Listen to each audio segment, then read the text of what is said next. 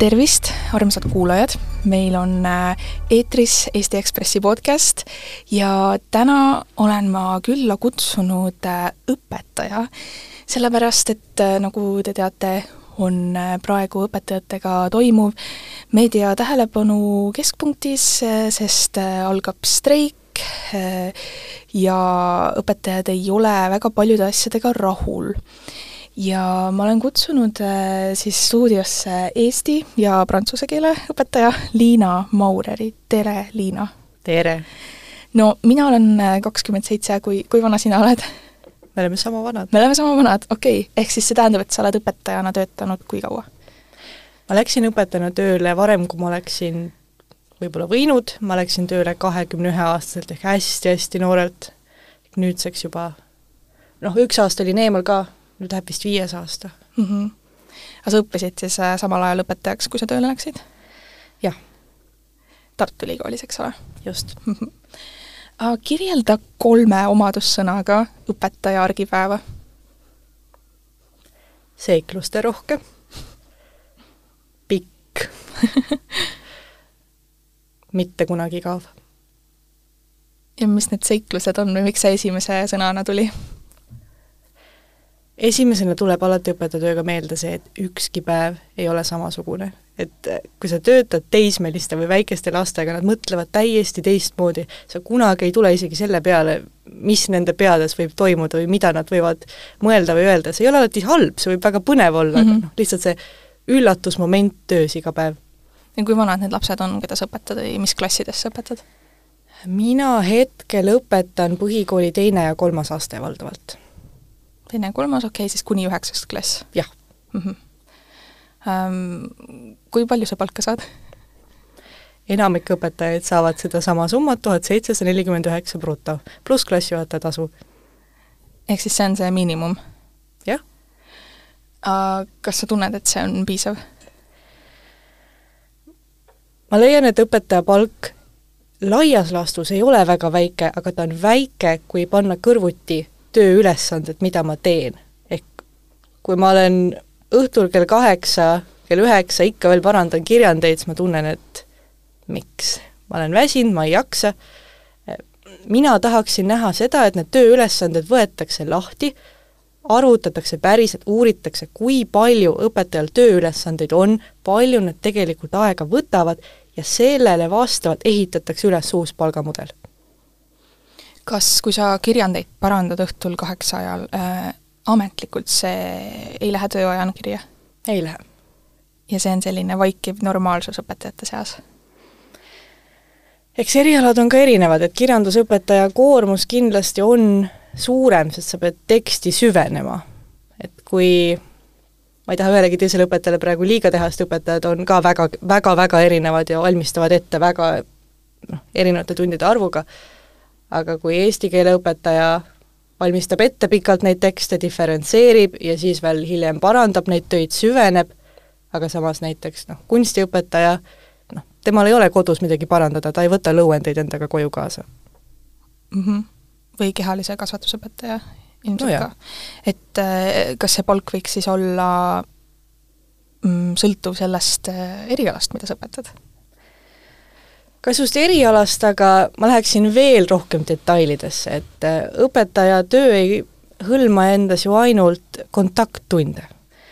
Äh, vahepeal õpetaja peab olema pikapäevarühmataja, võib-olla juhatama mingit projekti, äh, suhtlema lapsevanematega, kõik need noh, nähtamatud tegevused, mis võib-olla lapsevanemale, isegi õpilasele ei paista, ka need tuleb kuidagi kokku arvutada need peavad mahtuma kolmekümne viie nädala tunni sisse. aga miks need ei mahu või miks seda niimoodi lastakse juhtuda, et igal teisel töökohal öö, oleks juba ammu kaebused Tööinspektsioonis, et kuidas nii saab, et ma, mis mõttes ma teen nagu ilma rahata iga päev tööd? ma ütleksin siinkohal aitäh paljudele koolijuhtidele, paljud juba on seda tegelikult teinud ja võtavadki õpetaja töökoormuse lahti, arutavad oma töötajatega läbi, et nii need tunnid sa annad, siia juurde ma arvestasin juba sul ka klassijuhataja potentsiaalse ajakulu, Äh, võib-olla kaks tundi nädalas tegeled raamatukoguga, on täiesti seda ka olemas, aga on ka näiteid, kus õpetajale öeldakse, et siin on sinu kakskümmend tundi või kakskümmend viis tundi, ka kakskümmend kaheksa tundi mm -hmm. nädalas on võimalik. ja siis vaata ise, kuidas hakkama saad -hmm.. okei et see ikkagi sõltub ka koolijuhist ja korraldusest. aga kas sina lähed streikima? Mina ei lähe streikima. miks sa ei lähe? streik on pikaajalise pettumuse tulemus, aga ma ei näe, et see oleks lahendus. ma ei näe, mis on selle streigi potentsiaalne tulem.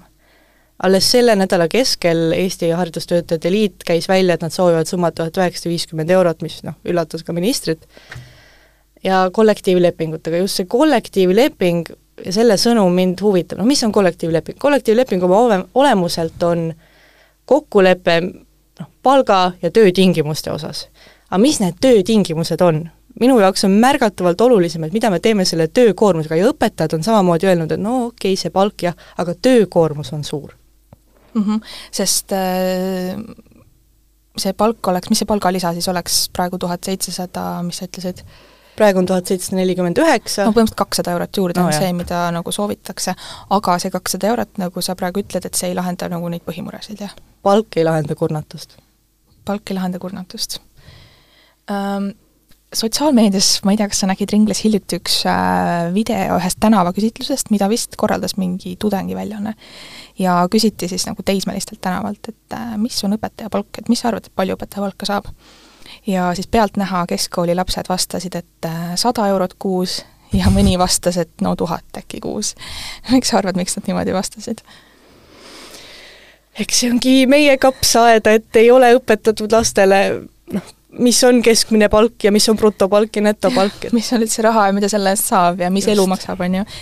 et äh, aga teisalt äkki, kas seal võiks ka välja kumata see, et kuidas õpilased väärtustavad õpetajaametit, et äh, kuidas sa ise tunned, et kas sinu õpilased äh, väärtustavad seda, et sina igapäevaselt neid õpetad ja tuled just nende jaoks seda kõike tegema see on loterii, kelle sa saad, et klasside õpilased ei ole ju võrdsed ja mõni tõrvatilk ikka meepotti satub.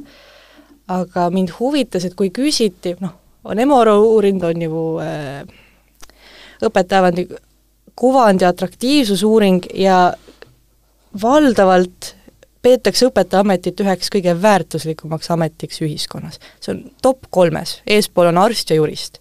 aga kõige kriitilisemad õpetajaameti maine osas on õpetajad ise Äh, õpilased, eelkõige gümnaasiumiõpilased, nende soov õpetajaks hakata noh, oli üldse kõige-kõige-kõige väiksem, ehk mida väiksem on see vahe sellest ajast, kui sa viimati kooliga olid seotud, seda suurem on tõenäosus, et õpetajaamet on väga-väga halb.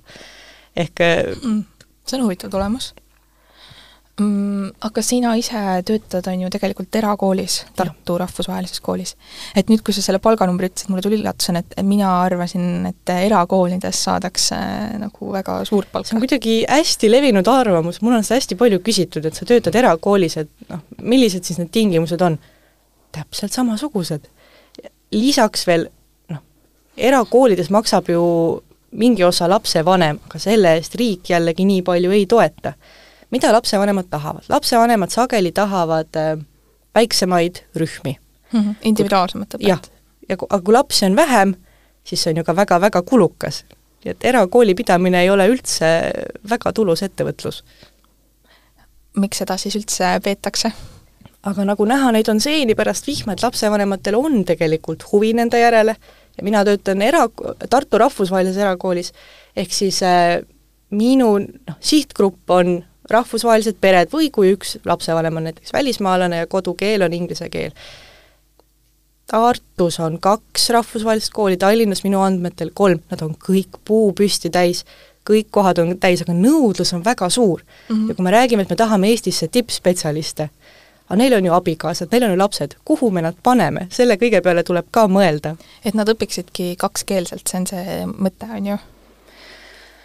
no mitte ainult see, noh näiteks no, erinevad pedagoogikad, et meil on iibeõpe ja ka väga paljud eesti pered, meil on juba üle poole õpilaskonnast on eestlased, sest lapsevanemad on huvitatud projektõppest, mitte nii väga võib-olla klassikalisest, et nüüd on eesti keele tund, nüüd on matemaatikatund ah,. seleta korra lahti, et mis see IB projektõpe on? see tähendab seda, et eh, noh, meil on see kuni kuuenda klassini. ehk ained on omavahel lõimitud päris kõike Eestis lõimida ma ei usu, et saab, noh, meil on õppekava juba lihtsalt nii ja õppekava ju kehtib ka erakoolis, eks ole? absoluutselt mm, -hmm. et on nii mahukas, aga ta annab selle raamistiku, kuidas me õpime, et äh, võib-olla e, valdav osa kuulajast on harjunud, et nüüd esmaspäeval kell kaheksa hakkab eesti keel ja pärast seda matemaatika ja siis on muusika, meil on ka need tunnid, aga nad kõik äh, mahuvad nii-öelda ühte raami, et näiteks meil oli eelmine teema äh, noh, kultuurilised või teaduslikud leiutised, mis on mõjutanud maailma. matemaatikas nad õppisid joonestama. siis äh, kunstitunni raames ja käsitöötunni raames me läksime Kutsehariduskeskusesse ja nad ehitasid päriselt puidust äh, mingisuguse ajaloolise leiutise, mis on maailma mõjutanud, eelmine aasta üks poiss ehitas katapuldi noh, ajaloos nad õpivad, mis jah. on need noh, vanad leiutised ja nii edasi. matemaatikas siis nad võisid jooni, joonestada sellesama katapuldi või? absoluutselt, mõõtkavad, eks ju mm -hmm. okay., sentimeeter, meeter. okei okay,, okei okay,, väga põnev. no seda ju üldiselt kritiseeritakse, üks põhiasju, mida koolide puhul kritiseeritakse, on see, et ei, et õpilased ei oska seostada asju, et ma saan aru, et äh, see on siis see, et nad oskaksid seostada just, ehk sul ei ole matemaatika ainult matemaatikatunnis, seda on päriselt mujal ka vaja. aga sa oled varem töötanud ka väiksemates maakoolides? ma olen töötanud varem väiksemas maakoolis, Tabijärve põhikoolis. aga mis see peamine vahe, kui see IB-õpe välja jätta, et siis niisuguse Tartu suurema erakooli ja väiksema maakooli vahel? õpetaja jaoks just? ma ei ütleks, et oleks väga suur erinevus, ehk õpilased on ju ikka enam-vähem samasugused igal pool, aga võib-olla, et noh, ma töötan inglise keeles valdavalt ja just täpselt see, et mul ei ole äh, võib-olla ainult ühte klassi kindlate õppematerjalidega ja nüüd on minu eesti keele tund kaheksa kuni kaheksa nelikümmend viis, et praegu minu töö on noh, mul on e-, erinevate keeletasemetega õpilasi, erineva kultuuritaustaga õpilasi, neil mm -hmm. on mhm. erinevad soovid ja nii edasi et palju räägitakse, et, et kõiki õpetajaid ei saa panna ühte patta, et, et väikekoolide mured on nagu hoopis teised kui suurte koolide mured, et kas sellega nõustuksid või mitte? jällegi, klasside õpilased on nii erinevad ja ka koolid on nii erinevad, et väga raske on üldistada. muidugi saame rääkida, et kui ühes klassis on kolmkümmend õpilast ja ma pean kolmkümmend kirjandit parandama versus viis kirjandit, siis see töömaht on ikka väga erinev mm. -hmm. ja streigist veel, et äh, paljud ei saa aru, miks õpetajad streigivad praegu, sest äh, eelmistel streikidel oli eesmärgiks, et äh, palk jõuaks keskmisele järele, aga nüüd siis õpetajate palk, kui võtta keskmine palk tegelikult on kaks tuhat ükssada eurot umbes, Eesti keskmine tuhat üheksasada ja paljud nagu tunnevad, et mis te siis hädaldate, et enamik eestlasi saavad niikuinii alla keskmise, et et kas sa siis ise tunned samamoodi? Siin on nüüd mitu osa, noh esimene osa on see, mis ma juba korra mainisin, et üks asi on see palk ja teine asi on töökoormus, et töökoormust on rohkem, kui on palka mm. -hmm. Nad ei lähe omavahel vastavusse. teine, eh, me peame vaatama, kust see keskmine tuleb. õpetaja ei tööta täna keskmiselt täiskoormusega. õpetaja keskmine töökoormus on null koma kaheksakümmend kolm. see tähendab seda, et ta ei saa täiskoormust oma koolis täis kust see tuleb? no see tuleb, et koolivõrk on korrastamata, koole on hästi palju, nad on laiali, ehm, eesti keele õpetaja saab oma koormuse täis, matemaatikaõpetaja ka, aga näiteks väikemaakoolide õpetaja, seal ei ole ju nii palju geograafiatunde. õpetaja ei saa koormust täis, ta käib erinevate koolide vahet mm. -hmm. aga klassid ei jagune ju võrdselt, sa ei saa täiuslikult null koma kolm, null koma kolm, null koma kolm. Ehm, siis ei tuleks ka täpselt üks võib-olla on ühes kohas null koma kolm ja teises kohas null koma viis ja siis äh, järgmises kohas õpetaja ütleb või direktor ütleb, et aga vaata, meil on see üks klass veel, no kuidagi ei jagu teisele õpetajale, kas sa palun saaksid võtta, siis see koormus muudkui kasvab. ja siis justkui tundub, et palk on kõrgem, aga tegelikult töökoormus on üle aga kuidas siis see koormus ametlikult keskmine ikkagi alla ühe on, kui kui sinu jutu järgi praegu õpetajad ikkagi seda koormust niimoodi juurde saavad kogu aeg? no aga ühe, ühes koolis on ju koormus madalam mm. -hmm. me, kas me oleme mõõtnud selle järgi, et eh, ühel õpetajal kokku või nii-öelda palju meil on ametikohti ja õpetajaid. ametikohti on meil üle kuueteistkümne tuhande. õpetajaid üldhariduskoolides kolmteist tuhat. ehk siis kohti on tegelikult vähem kui õpetajaid. aga üks, mis ma tahtsin kindlasti veel öelda, et äh, et on ka vallad, kes on tegelikult töö juba ära teinud, kes on koole liitnud, kes on vaadanud noh, kus on midagi puudu, kes on oma eelarvet targasti organiseerinud ja õpetajad saavad juba üle keskmise palka mm. -hmm. Mm, kas sa oled nõus sellega, et äh, kolmkümmend aastat töötanud õpetaja võiks saada oluliselt rohkem palka kui alustav õpetaja? absoluutselt. Esiteks, me kaotame õpetajaid, kui me seda diferentseerimist ära ei tee kui küsiti õpetajatelt, kes plaanisid lähima kolme aasta jooksul lahkuda, mis on lahkumise põhjusid, siis, siis nii-öelda karjäärimudeli puudumine oli üks põhjus, mida toodi välja. et ma õpin ja ma elupäevade lõpuni teen justkui sama asja. sama, sama palgaga, on ju. et sa nagu ei kasva enam, et sa käid ülikoolis ära, on ju, ütleme viis aastat magistriga, ja, ja sa kohe saavutad siis selle lae, on ju et muidu nagu inimesed mõtlevad, et aa, et karjääriredelil nagu sa saad ronida, sa saad kasvada, sa saad nagu rohkem teenida, aga siis õpetajatel üldiselt sellist väljavaadet ei ole? no see, eks see on nüüd tulemas, ma saan aru, et äh, õpetaja karjäärimudel, kas peaks nüüd poole aasta pärast välja tulema esimesed mõtted, ma ei ole praegu kindel. aga seal on needsamad mõtted, on ju, et nagu diferentseerida ja, ja panna, äh, ja-Kristina Kollas rääkis sellest vist jah, et panna siis see teha erinevad, on ju, astmed, et sul on alustav õpetaja, sul on vanem õpetaja, sul on meisterõpetaja ja siis see palk oleks ka siis vastavalt. no praegu sa saad ka end meisterõpetajaks või staarõpetajaks tituleerida. staarõpetaja või? jah. päriselt või? kui sa täidad teatud kriteeriumid, aga siiamaani see ei tähenda, et sa isegi rohkem palka saad. aa, vot see on huvitav aga mis sa arvad, kes või kuidas saaks äh, hinnata õpetaja arenemist ajas? sest tegelikult äh, nagu igal ametil võib ju ka juhtuda niimoodi, et sa õpetad samamoodi, nagu sa kolmkümmend aastat tagasi õpetasid, tegelikult nii ei saa. et, äh, et kas seda, et õpetaja arengut peaks mõõtma tema tulemuste järgi või, või tema populaarsuse järgi õpilaste hulgas või kuidas? ma siinkohal annaksin otsustusõiguse ka koolipidajale ja koolidirektorile et jah, meil on mingid kriteeriumid ja õpetaja pädevus ja kutse taotlemine ja kõik nii-öelda paberid, mis sa saad ära teha, aga see ei näita, kui hea sa tegelikult oled. ma samuti ei eelda, et iga õpetaja peab õppematerjale hakkama looma või mentoriks noorele õpetajale, võib-olla see ei ole tema kutse, aga koolidirektor ju näeb, kas õpetaja pingutab, kas, millised on tulemused, kuidas lapsed sellesse õpetajasse suhtuvad. et kooli, koolijuhil võiks olla see võimalus diferentseerida ka ise mm. -hmm. Ja üks lapsevanem ütles selle streigi kohta, mis nüüd äh, plaanitakse kahekümne teisel jaanuaril, et äh, kui õpetajad streigivad nädal aega, siis äh, kes mu lapsele nädala aja matemaatika selgeks õpetab, kas laps on süüdi milleski, et talle jäävad lüngad? mis sa talle vastaks? selle olukorra kurb pool ongi, et kannatajaks on lapsed.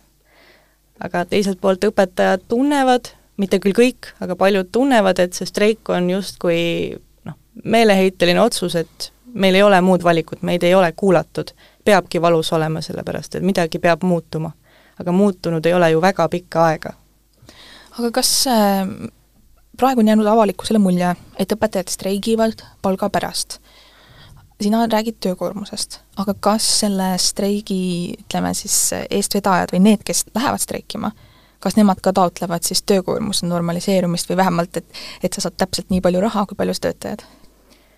ma ei saa rääkida kindlasti iga õpetaja eest, kes streikima läheb ja nii palju, kui ma olen vaadanud eh, Haridusliidu eh, sõnavõtte, siis ma pean tunnistama, et ma ei ole kindel, et kõik saavad aru, mille nimel nad üldse streigivad.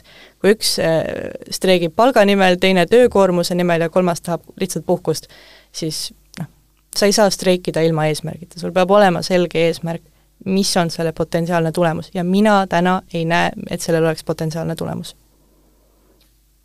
just sellepärast, et palk ei lahenda töökoormuse muret? just ähm,. Räägime natuke üldse tänapäeva õpetaja siis ähm, suhtlemisest õpilaste ja nende peredega, et et kas sinu jaoks on lastevanematega suhtlemine keeruline või on olnud keeruline minevikus? Eks igas meepotis on üks tõrvatilk, nende eest ei päästa miski. mul on pigem vedanud, aga jällegi, see on loterii. võib väga vedada, võib vedada ka kooliga, kui toetavad on su kolleegid, kui toetav on kooli juhtkond, kuidas neid olukordi lahendatakse, aga kindlasti on õpetajaid, kes on selle pärast lahkunud. et neil on mingisugune lahendamatu tüli või lapsevanematega? Kas õpilasega, lapsevanemaga, tunnevad, et äh, kaaskolleegid neid ei toeta, tunnevad, et koolijuht neid ei väärtusta või ei toeta ja nii edasi mm. -hmm. aga oskad sa tuua mingi näite, mis on sinu kõrvu jõudnud, mis ei pruugi üldse sind puudutada, aga et milline, milline võib olla siis see vastuseis, mis sunnib, ma mõtlen siis vastuseis nagu õpilase ja tema perega, mis sunnib õpetaja lahkuma? siin on hästi palju erinevaid võimalusi, noh praegu kindlasti on tõusev trend äh, küberkiusamine. et kui õpilane näiteks teeb libakonto või hakkab äh, sotsiaalmeediavõrgustikes õpilas- või õpetajale inetusi kirjutama või tema kohta inetusi kirjutama või pilte levitama, et äh, kui need seal internetis juba on, neid on päris raske sealt ära saada. missuguseid pilte? no näiteks teeb õpetajast tunnis pildi ja see õpetaja parasjagu on väga tobedas poosis ja siis saadab selle ühele, ühele sõbrale, see saadab teisele sõbrale ja nii see levib. ja see on tõusev trend? no kas see on just tõusev trend, et õpilased seda teevad või pigem interneti ja digivahendite kasutamine on väga tõusnud mm? -hmm.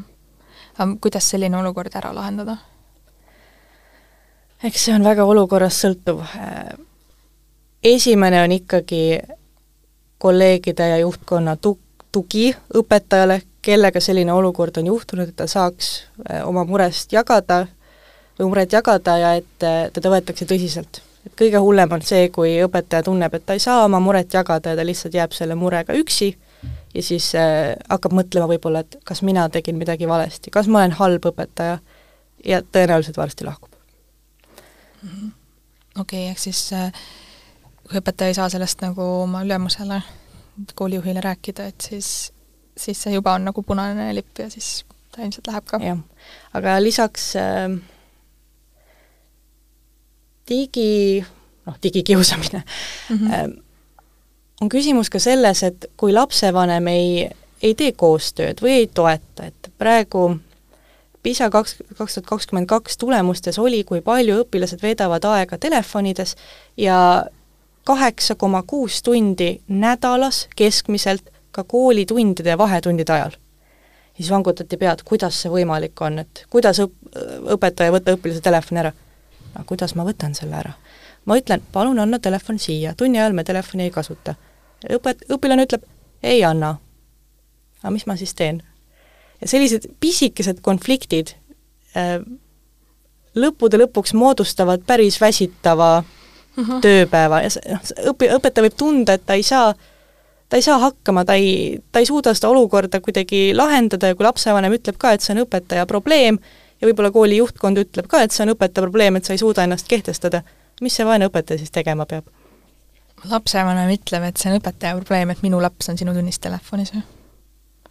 see on ikka päris jutunud väide.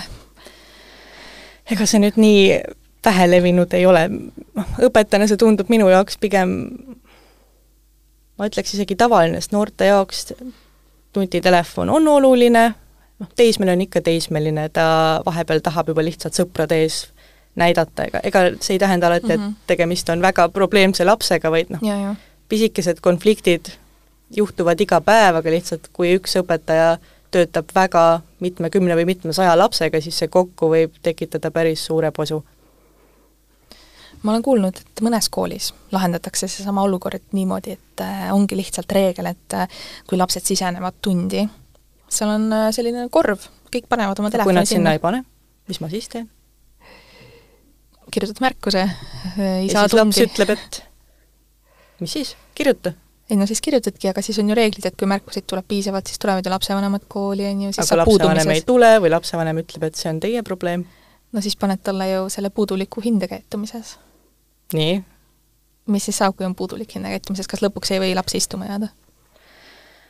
istuma jäämiseks peab olema ikka väga-väga palju rohkem, et kui ma ei eksi, mitu puudulikku hinnet, aga kui õpilasel on head hinded, aga on lihtsalt käitumisprobleemid, siis ei ole ju põhjust teda istuma jätta. rääkimata, et õpilasi, meil on vaja, et õpilased ikkagi saavutaksid neile määratud õpiväljundid, noh, et nad õpiksid lihtsalt mhm. öeldes mm. -hmm. me ei saa lihtsalt öelda, et sa ei käitu vastavalt normidele, nüüd me viskame su välja.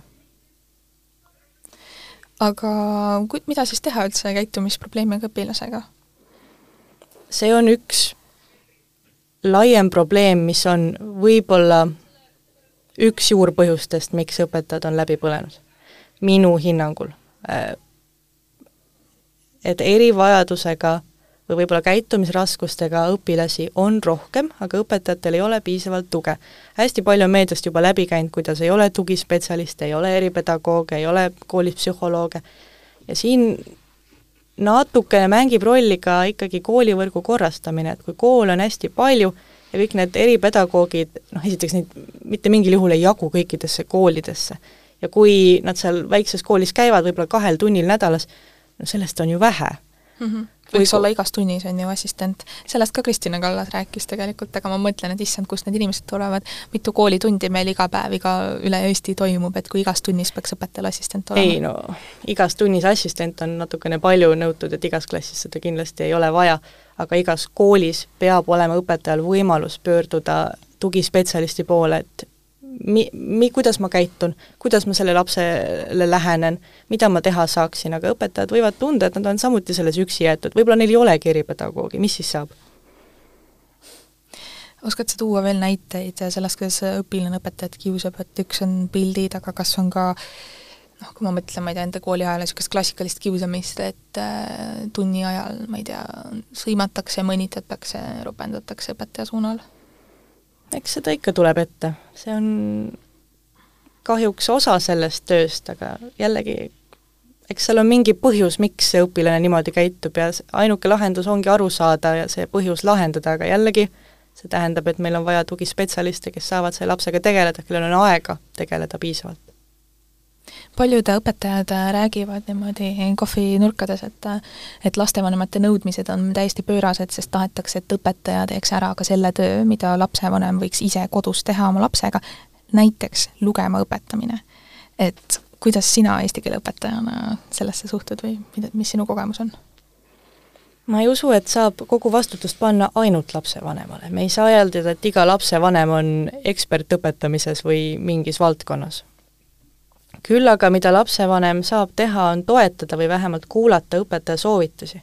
probleem algabki sellest, kui lapsevanem ütleb, et õpetaja ei tea midagi. kui lapsevanem kodus ütleb lapsele, et ah, ära kuula õpetajat, siis mida see õpetaja teha saab? kas äh, nii, sa tead, et niimoodi öeldakse või? no eks, nagu ma ütlesin, igas meepotis on mõni tõrvatilk.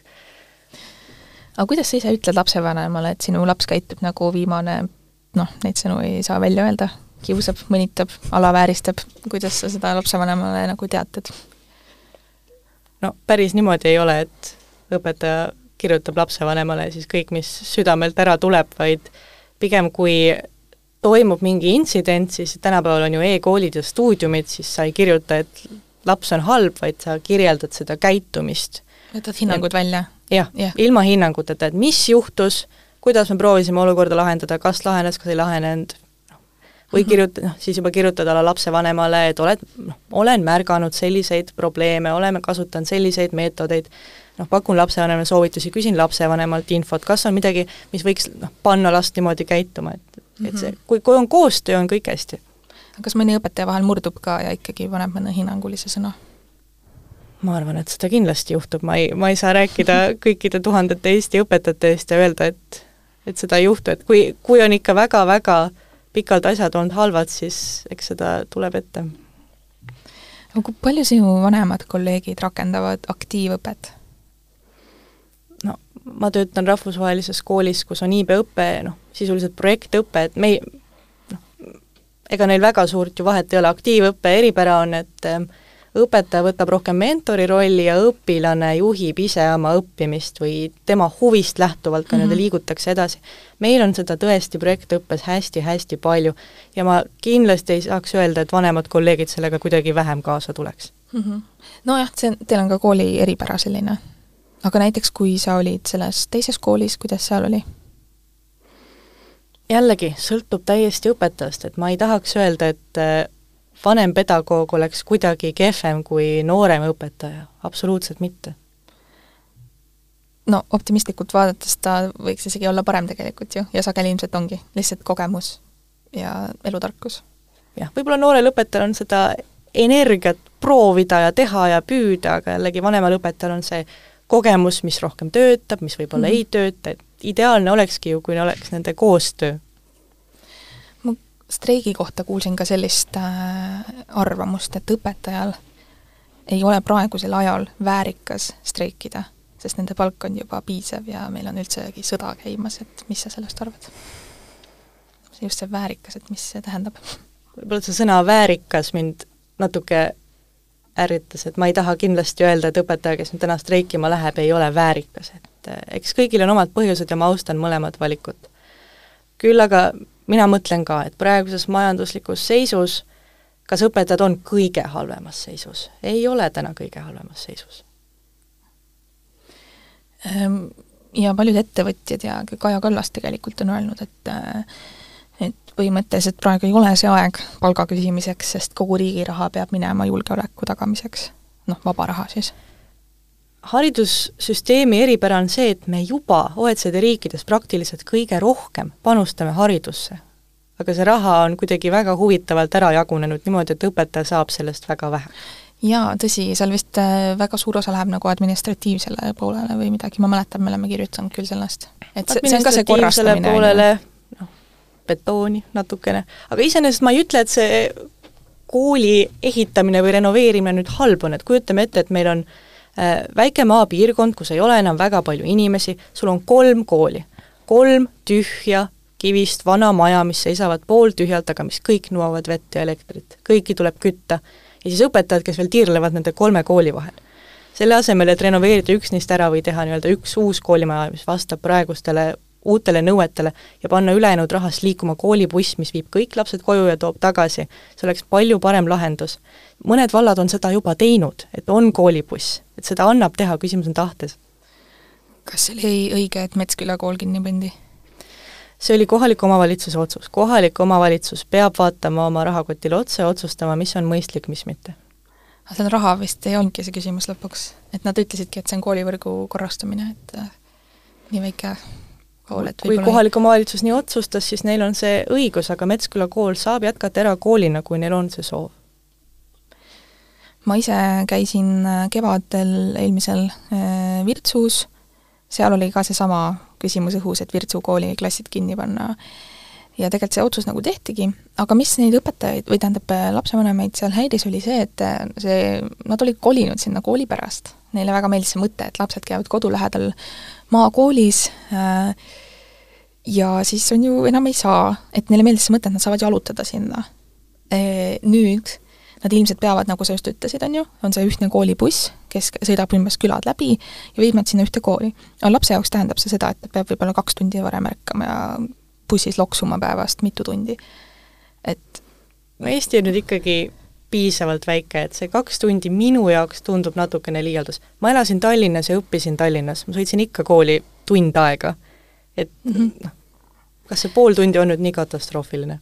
et see maakooli jalutamine ongi selline luksus võib-olla siis, mida nagu niisugune muinasjutuline unistus. Jaa sa kuulud erakonda Parempoolsed? jah. ja sa töötad ka erakoolis et äh, ma küsin, et kas sinu maailmavaate järgi võiksidki kõik koolid olla erakoolid? oh issand jumal ma ütlen seda alati, et sesti ette käib koma, vahet pole, kas õpetaja on vasak, parem, liberaal, konservatiiv, mingit vahet ei ole. kool on apoliitiline asutus. ei, kõik koolid ei pea olema ka erakoolid. ma arvan, et Eestis tegelikult, tegelikult on päris hästi. meil on oma murekohti, aga laias plaanis ju õpilaste tulemused on head. Eestis on võimalik saavutada edu, vahet pole, kas sa oled jõukas, mittejõukas, poiss, tüdruk, meie vahed ja sotsiaalmajanduslik mõju õpilase edukusele on väga väike. aga samas, ma ei tea, kas sa märkasid, Õhtuleht kajastas seda teemat, et et see on küll väike, see vahe, aga Eestis on kasvav trend, et mida jõukam on perekond, seda paremini nende lapsel koolis läheb üldiselt mõjutab hästi palju PISA järgi näiteks ema haridustase. kui ema on kõrgharidusega, siis ka potentsiaalsed laste õppetulemused on paremad. loogiline. ilmselt aitab tal kodus paremini õppida? kõik vanemad ei õpi oma lastega, mõni õpib ja see ei tähenda, et kas vanem on jõukas või mitte või kõrgharitud või mitte, see, palju ta oma lapsega kodus õpib, see on veel täiesti omakorda eraldi teema. Aga tulen tagasi jälle PISA juurde, Eestis on selle koha pealt väga hästi, et sotsiaalmajanduslikul taustal on väga väike, kui üldse, mõju õpilase edukusele. Eestis on olukord, et kui õpilane pingutab või näeb vaeva, igal juhul ta saavutab edu. aga mis on see ideaalne õpilaste arv klassis, äh, milles siis õpetaja koos õpilastega saab luua olukorra, kus kõik päriselt ka õpivad? See on jällegi huvitav küsimus, sest et see sõltub, vahepeal ma mõtlen, et kui klassis on viis õpilast, aga üks neist on väga eriline frukt, siis see tund on ikka jube keeruline. aga vahepeal on klassis kolmkümmend õpilast ja kõik on hästi tublid, luksus. et see nii sõltub, aga kuidas seda nüüd jagada, noh, ei saagi. ei saagi täpselt niimoodi neid inimesi ükshaaval jagada. et hetkel Eestis on klassis ju keskmiselt kakskümmend üks õpilast, see ei olegi tegelikult üldse nii palju no on mõned suuremad Harjumaa need valdade koolid, kus on palju no aga... täpselt see keskmine mhm. tulebki, et on Harjumaal on võib-olla, linnas on hästi suured ja maapiirkondades jällegi on väiksed, et äh, ma ei arva ka, et ainult viie õpilasega või kümne õpilasega klassid nüüd see maailma ideaalne lahendus on, sest noh, tegelikult kui ma mõtlen praegu nüüdisaegse õpikäsitluse peale, kus sul peaksid olema rühmatööd ja arutlemine ja koostöö, kuidas sa teed seda, kui sul on ainult viis õpilast? et noh, kolmkümmend on põhikoolis palju, aga alla kümne, kui see ei ole just vanemate absoluutne soov, et nad tahavad väga individuaalset õpet, ei ole ka hea. aga miks see hea pole, et ongi just ju nagu rühma suurus koos? Just täpselt see, mis ma ütlesin, et kui neid on liiga vähe, siis mingeid ägedaid asju lihtsalt ei, ei saa teha või igav mm. hakkab. igav hakkab, okei okay,, see on huvitav. paljud lapsevanemad arvavad, et see oli viga, et äh, erivajadustega lapsed pannakse samasse klassi tavainimestega, tavalastega, siis ütleme, erivajadusteta lastega. mis sina sellest arvad? see on nii lai teema, et sellest võiks täiesti eraldi saate teha, täiesti ausalt. üldjuhul, kui nõrgemad ja palju tugevamad jaotuvad nii-öelda noh, normaaljaotuse järgi, et sul on võib-olla viiendik nõrgemaid, viiendik tugevamaid ja siis on noh, tavalised lapsed, siis tasandavad nad üksteist välja ja nõrgemad pigem õpivad tugevamatelt. mis on praegu juhtunud, et mõnes piirkonnas või klassis või koolis, no jällegi, kuidas iganes loterii satub, võib olla kolmkümmend või nelikümmend protsenti klassist nõrgemaid siis nad hakkavad seda klassitempot alla tõmbama, õpetaja ei jõua nendele individuaalset tähelepanu pakkuda ja siis tõesti tekivad probleemid. aga jällegi, võib juhtuda, et on ka üks eriline frukt või tõrvatilk ja juba on kõik läinud, et noh, see sõltubki, see on nii õpilastest sõltub mäletan, meil kunagi solfedžo tunnis oli selline eriline frukt, kes äh, seal ütleme, ebasobivaid kehahääli muudkui väljutas ja kon-, konna mängis ja noh, et see tund ei saanud toimuda, aga kõik teised olid päriselt ka tublid, nii et ma tean täpselt, mida sa mõtled um,. Aga kas sa oled aru saanud, et miks äh, õpetajatelt eeldatakse, et siis kontrolltööde, kirjandate parandamine, hindamine, süvenemine on siis vabast ajast ja ei ole tasustatud?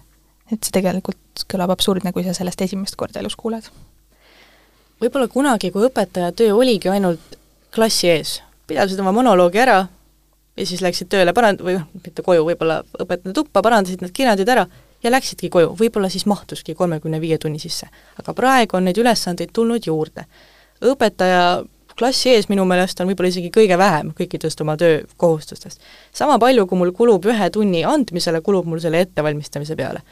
no mis ma teen äh,? igasugu lugemis, kirjutamisraskusi on, siis ma teen, ühele teen äh, suure formaadi, prindin eraldi trükitähtedest, teisele teen vastupidi, raskemad ülesanded. sest ta ei oska veel kirjatähti? no näiteks? ükskõik mm, -hmm. mis iganes raskused võivad olla mm, -hmm. ma ei tea, nägemisraskus, pean mm -hmm. tegema palju pilte ja jooniseid, kõik see võtab aega siis äh, ma annan oma tunni ära, siis ma kirjutan selle tagasiside, kindlasti ma pean igale õpilasele kirjutama, et mis see õpilane oskab, mida ta võib-olla ei oska, kuidas ta saaks seda osata, kus ta saab materjali vaadata. kindlasti nägin, et sul on ka mõni korduv viga siin, selle korduva vea vastu aitab ta-ta-ta-ta-ta-ta-ta-ta, eks see sellega võib lõputult edasi minna, on ju? lõputult mm, -hmm. mida see hea õpetaja võib teha, kindlasti ka on tal õpilastega hea suhe, kindlasti on tal lapsevanematega hea suhe, hoiab pidevalt kontakti, äh, korraldab äh, üritusi, käib lastega teatris no,. ekskursioonidel, jah, ööbimisega. Sii-, sellest võiks ka eraldi saate teha, et mida üks hea õpetaja kõike võiks teha mm. -hmm noh, ongi, et see, sa saad nagu eksponentsiaalselt headusesse, on ju, kasvada, et ei ole nagu, headusel pole piire, aga samas su võimekusel ja ajal on piirid, et meil kõigil on kakskümmend neli tundi ja see on kummaline, et et õpetajatundi suhtutakse teisiti tegelikult. aga sellepärast, et haridusmaastik on vahva, et absoluutselt noh, kindlasti kirgi küttev teema, aga kõigil on haridusmaastiku kohta oma arvamus, sest kõik on kunagi koolis käinud aga koolisüsteem on nii palju muutunud. ma ei ole väga vana, aga juba praegu ma võrdlen aega, kui mina käisin mm -hmm. koolis ja praegust ja need on täiesti erinevad. jaa, see on tõesti hästi kummaline, sest minu ema on ka õpetaja ja kui tema räägib mulle sellest, siis ma mõtlen ka, et appi, aga et minu ajal oli ju teisiti, aga samas ma olen alles kakskümmend seitse. Mhm. nii et ma saan aru, mis sa mõtled ähm,. Ja lõpetuseks, palju räägitakse sellest, et et õpetaja töö on väga-väga raske, ületunde ei tasustata ja siis mõni ütleb selle peale, et et aga see on ju vabatahtlik, kui see on liiga raske, siis järelikult su töö ei meeldi sulle piisavalt või sa ei ole selleks loomult sobiv. mis sa selle peale kostaks? õpetaja on ainuke amet, mida on vaja, et saada kõiki teisi ameteid maailmas. õpetajaid on vaja, õpetajaid tegelikult väärtustatakse ja õpetaja nagu ma olen öelnud, see on kolmandal kohal nii-öelda amet, mis muudab elusid see on väga oluline amet. Noh, see ütlus, et ah, ära virise, noh, see, see ei anna lahendusi, see ei anna mitte mingeid lahendusi, et praegu mis on meie absoluutselt kõigi huvides, on see, et õpetajad tunneksid end hästi, õpetajad tunneksid end hoitult, võib-olla see viis, kuidas me selleni jõuame, siin lähevad maailmavaated lahku. aga keegi ju ei vaidle vastu tegelikult, et õpetajaid ei pea hoidma. Kas sulle meenub mingi lugu äh mõnest tunnist või mõne õpilasega seoses, mis oli nagu nii liigutav sinu jaoks, et pisar tuli silma? ühte on niimoodi kin-, kohe raske öelda, aga eks see on see moment, kui mõni õpilane tuleb sulle võib-olla isiklikult ütlema, et sa oled hea õpetaja, et see kuidagi ikka läheb südamesse, väga läheb südamesse. sest kellelt veel seda kuulda, kui mitte, on ju sellelt, kellel sa õpetad. Jah. Ja nüüd, kui keegi kuulab siin ja mõtleb, et kas minna õpetajaks või mitte minna, kas minna või mitte minna, teeb neid karikakra lehti, on ju, et äh, mis, missugused nagu, ma ei tea, top kolm isikuomadust võiks olla, sest noh, tegelikult isikuomadused on väga oluline, mina ütleks küll kaalutluspunkt, et kui sa valid endale elukutset, et äh, mis, missugune võiks olla see iseloomuomadus, mis sobivad uuringud näidanud, et aine teadmistest üha olulisemad on tegelikult suhtlemisoskus, empaatiavõime, ehm, konflikti lahendamisoskus. samad oskused äh, kirjeldavad nagu tegevjuhte ja on ju, peaministreid ja keda iganes, eks ole, et tegelikult see ongi nii, nii mahukas ja võimas amet, eks ole. aga see ongi väga vastutusrikas ja oluline amet. kas sa soovid veel lõpetuseks midagi öelda? oli sul veel mingi mõte, millega sa täna siia tulid? Ma arvan, et ma olen rääkinud piisavalt, aga ma väga nautisin seda. väga tore ja ma loodan, et teie kuulajad ka nautisite meie vestlust. järgmise korrani, aitäh sulle, Liina! aitäh!